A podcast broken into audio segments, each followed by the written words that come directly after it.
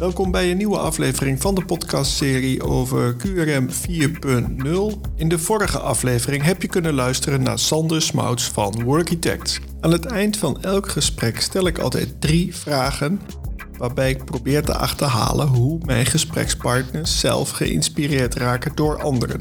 Vaak vraag ik: welk boek heb jij recent gelezen? Welke podcastseries luister jij zoal? En ook naar wie zou jij graag eens willen luisteren in deze podcastserie? In de aflevering met Sander Smouts noemde hij een boek van Daniel Pink waardoor hij geïnspireerd was geraakt. Toen we klaar waren met de opname zaten we nog na te praten en hij wist zoveel details over het boek te vertellen en waarom dat relevant is voor zijn werk, dat ik hem heb gevraagd om dat verhaal in te spreken zodat we daar een aparte aflevering van zouden kunnen maken. En dat idee was mede ontstaan omdat ik een gesprek had gepland met de collega van Sander Smouts, namelijk Frank de Kraker, die zelf een boek geschreven heeft, die ook wel zijn verhaal wou delen in deze podcastserie. Maar goed, het gesprek met Frank de Kraker, daar moet je nog even op wachten, want het gesprek ligt nog op de spreekwoordelijke montagetafel. Mijn naam is Ronald Scheer en ik wens je veel plezier bij het luisteren naar Sander Smouts, die vertelt over het boek Drive van Daniel Pink, wat hem heeft geïnspireerd. Hallo, ik ben Sander van Workitects. Workitects is een onderzoeksinstelling eh, in Leuven. En we zijn eigenlijk voornamelijk bezig rond het herontwerpen van organisaties. Dus wat dat eigenlijk doen is, we nemen de organisatiestructuur van, uh, van een bedrijf en we gaan er eigenlijk mee aan de slag. De bedoeling is steeds dat we, ja, dat we een stukje de werkbeleving van de mensen in de organisaties willen verbeteren. We zien dat, we zien dat een beetje als onze ja, maatschappelijke opdracht, om het zo te zeggen. En over dat topic van ja, het herontwerpen van organisaties en, wat, mensen, uh, wat mensen motiveert, daarover wil ik jullie vandaag eigenlijk, uh, ja, iets meer vertellen. Ik heb onlangs een, uh, een heel interessant boek gelezen. ik heb dat boek gekregen van, van een goede vriend van mij voor mijn verjaardag. Het boek heet A Drive van Daniel Pink. Daniel Pink is een Amerikaanse bestseller-auteur. Uh, Drive is een van zijn uh, boeken dat hij heeft geschreven. Het boek gaat eigenlijk meer specifiek over ja, onderzoek dat de laatste 50, 60, zelfs 70 jaar is gebeurd over wat dat mensen eigenlijk motiveert. En aanvankelijk dacht ik van ja, het gaat niet heel veel raakvlakken hebben bij het werk dat ik doe, maar toevallig genoeg um, was het een heel laagdrempelig boek dat eigenlijk ook heel veel raakvlakken had met wat we eigenlijk doen bij uh, Workitects.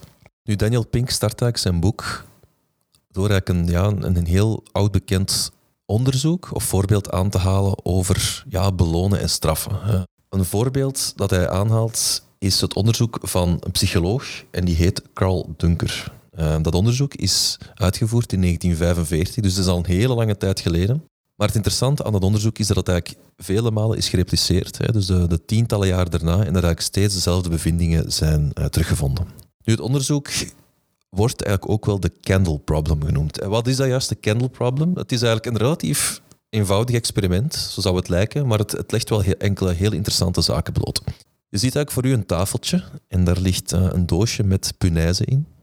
En daarnaast ligt een kaars, maar ook ja, enkele lucifers eigenlijk om de, de kaars aan te steken. Er wordt aan de, ja, aan, de, de, aan de mensen die daar meewerken aan het onderzoek gevraagd van bon, wij willen dat jullie nu uh, de kaars bevestigen tegen de muur, maar de kaars mag niet lekken op de grond. Dat is eigenlijk de opdracht.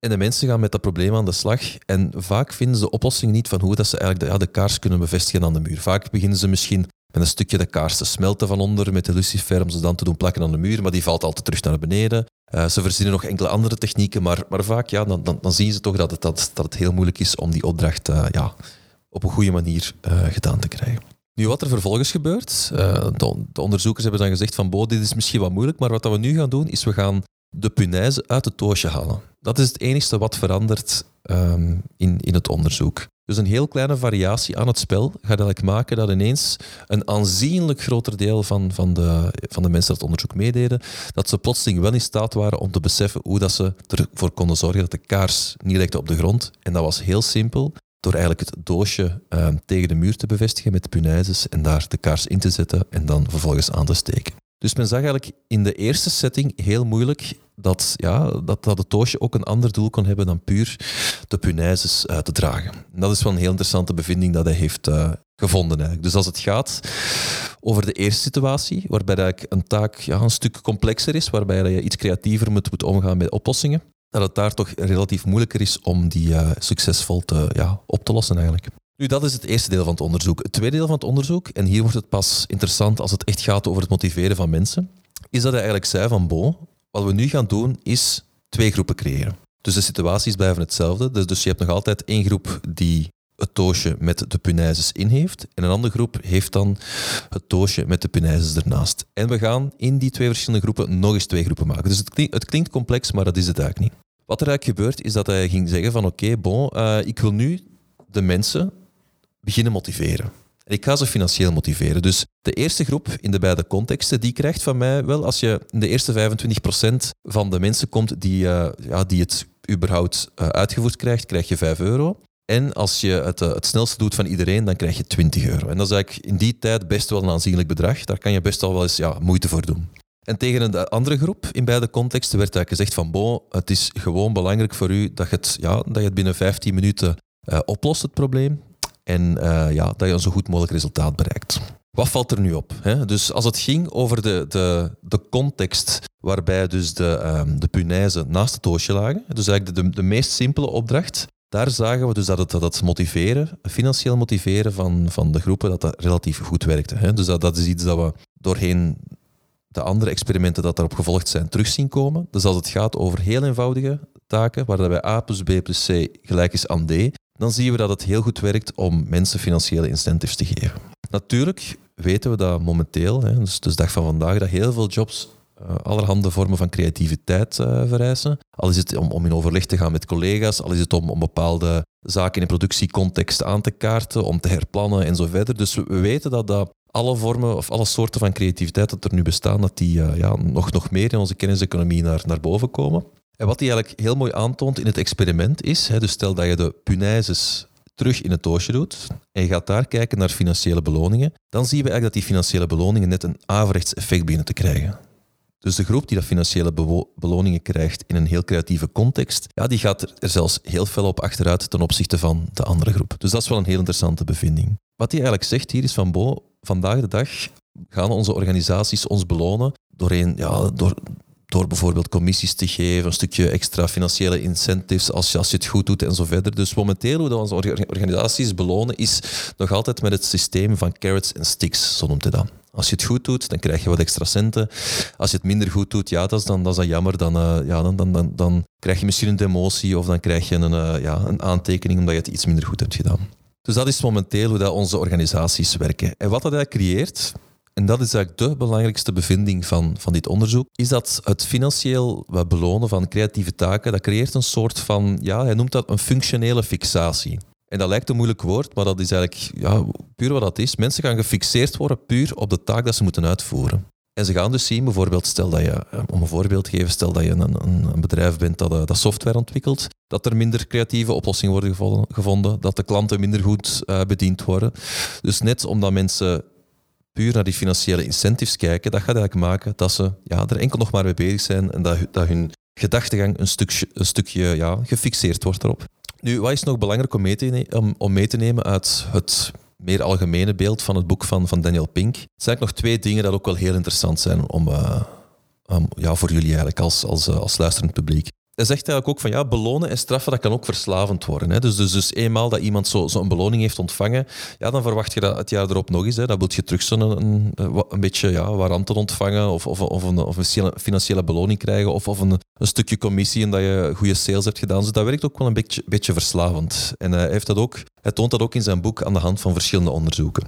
Verder blijkt dat ook uit het boek. Hè. Dus hij, hij, hij toont enkele zaken die dat, ja, die dat het belonen en straffen, dat, wat er eigenlijk heel nadelig zijn aan die methode. Wat het er ook voor zorgt, dat belonen en straffen, is dat, eigenlijk dat, dat veel mensen op heel korte termijn gaan denken. En dat is toch wel heel, heel belangrijk om mee te nemen. Um, we zien bijvoorbeeld vaak hè, dus, dus dat korte termijn, korte resultaten heel belangrijk zijn uh, per kwartaal voor, voor, voor organisaties, omdat ze natuurlijk hun, hun aandeelhouders een stukje moeten belonen. Maar ook als ze dan hun eigen mensen op die manier gaan belonen, dan, ja, dan, dan zorgt dat ervoor dat de, dat de overlevingskansen van organisaties in het algemeen ook een stukje gaan, gaan afnemen volgens Pink. Dus dat is toch ook wel een zeer interessante bevinding, dat puur voor het overleven van organisaties, dat er ook wel moet gezorgd worden dat, uh, ja, dat puur het belonen en straffen, dat dat niet enkel de, de manier is om mensen te motiveren. Wat we als Workitects hier eigenlijk in meenemen, is dus, als het gaat over het extrinsiek motiveren van mensen, dat daar ja, echt wel grenzen aan zijn. En dat de intrinsieke motivatie van, van, van werknemers dat dat belangrijker en belangrijker wordt. Enerzijds als het gaat om mensen gewoon te binden aan uw organisatie, maar ook langs de andere kant om te overleven als organisatie. Dus dat zijn toch wel twee belangrijke pistes waarom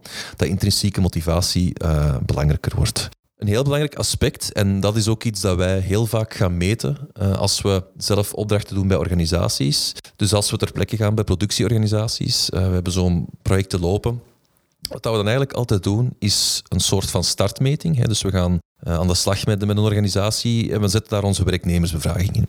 En die bevraging gaat heel, heel fel in op, oké, hoe is nu de, ja, hoe is jullie arbeidsorganisatie juist? Welke afdelingen zijn er?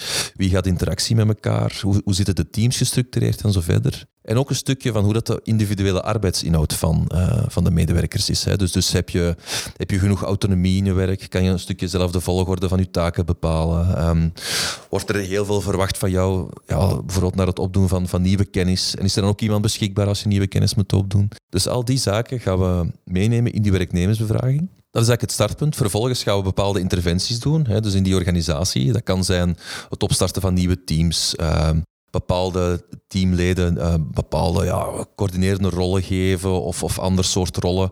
Uh, dus dat kan, dat kan alle kanten op gaan. De bedoeling is dan achteraf dat we gaan zien in een soort van ja, tweede meting of eindmeting hoe dat dan eigenlijk de, de werkbeleving of, uh, ja, de jobinhoud ook hè, van die mensen is veranderd. En dat is eigenlijk hoe dat we een, stukje te werk gaan um, binnen Workitects. Dus daarmee het, het, het ezelsbruggetje of, of de, de grote gelijkenis tussen het boek van Pink en, en het werk dat wij doen. Dus uh, Pink heeft heel mooi aangetoond dat, uh, ja, dus dat, het, dat het intrinsiek motiveren van, van mensen in de kenniseconomie belangrijker en belangrijker wordt. Dat is stap 1. En stap 2 is dan ja, natuurlijk als je mensen intrinsiek gemotiveerd wil houden of wil maken, dan is het ook heel belangrijk dat je dat je, organisatiestructuur onder de loep neemt. Waarom is het belangrijk om je organisatiestructuur onder de loep te nemen? Wel, dat is ook omdat we zien vanuit onderzoek, hè, dus de werknemersbevraging die ik net benoemde, um, is niet zomaar opgesteld. We weten ook uit 20, 30 tal jaar onderzoek over, over jobinhoud, dan is de arbeidsorganisatie en jobinhoud dat dat de grootste verklarende factoren zijn voor, uh, voor het uh, al dan niet hebben van een goede werkbeleving. Dus dat is toch wel zeer belangrijk om, om mee te nemen. Wil jij zelf ook aan de slag gaan met het veranderen van je organisatiestructuur? Uh, dan kan je steeds bij ons terecht op uh, workitex.be. Um, daar vind je de contactgegevens van mezelf, uh, Sander Smouts, maar ook van andere collega's die jullie kunnen helpen in jouw specifiek domein. dus geef zeker een seintje. Moest je zelf aan de slag willen met het, met het veranderen van je organisatiestructuur of om toch zeker geïnspireerd te worden om hoe je daarmee aan de slag zou kunnen gaan. En daarmee zijn we aan het einde gekomen van een hele bijzondere aflevering van deze podcastserie over QRM 4.0. Je hebt kunnen luisteren naar Sander Smouts, die een kleine boekbespreking heeft gedaan van het boek van Daniel Pink. Eh, het boek heet Drive. Graag hoor ik wat jij van deze aflevering vond. Heeft het jou ook geïnspireerd? Ik wil graag dat je dat aan mij laat weten, want als het veel mensen inspireert, dan wil ik graag vaker dergelijke boekbesprekingen opnemen. Voor nu rest mij niks anders dan jou te bedanken voor het luisteren. En vergeet niet om je te abonneren, want binnenkort staat er weer een nieuwe aflevering voor je klaar. Graag tot dan.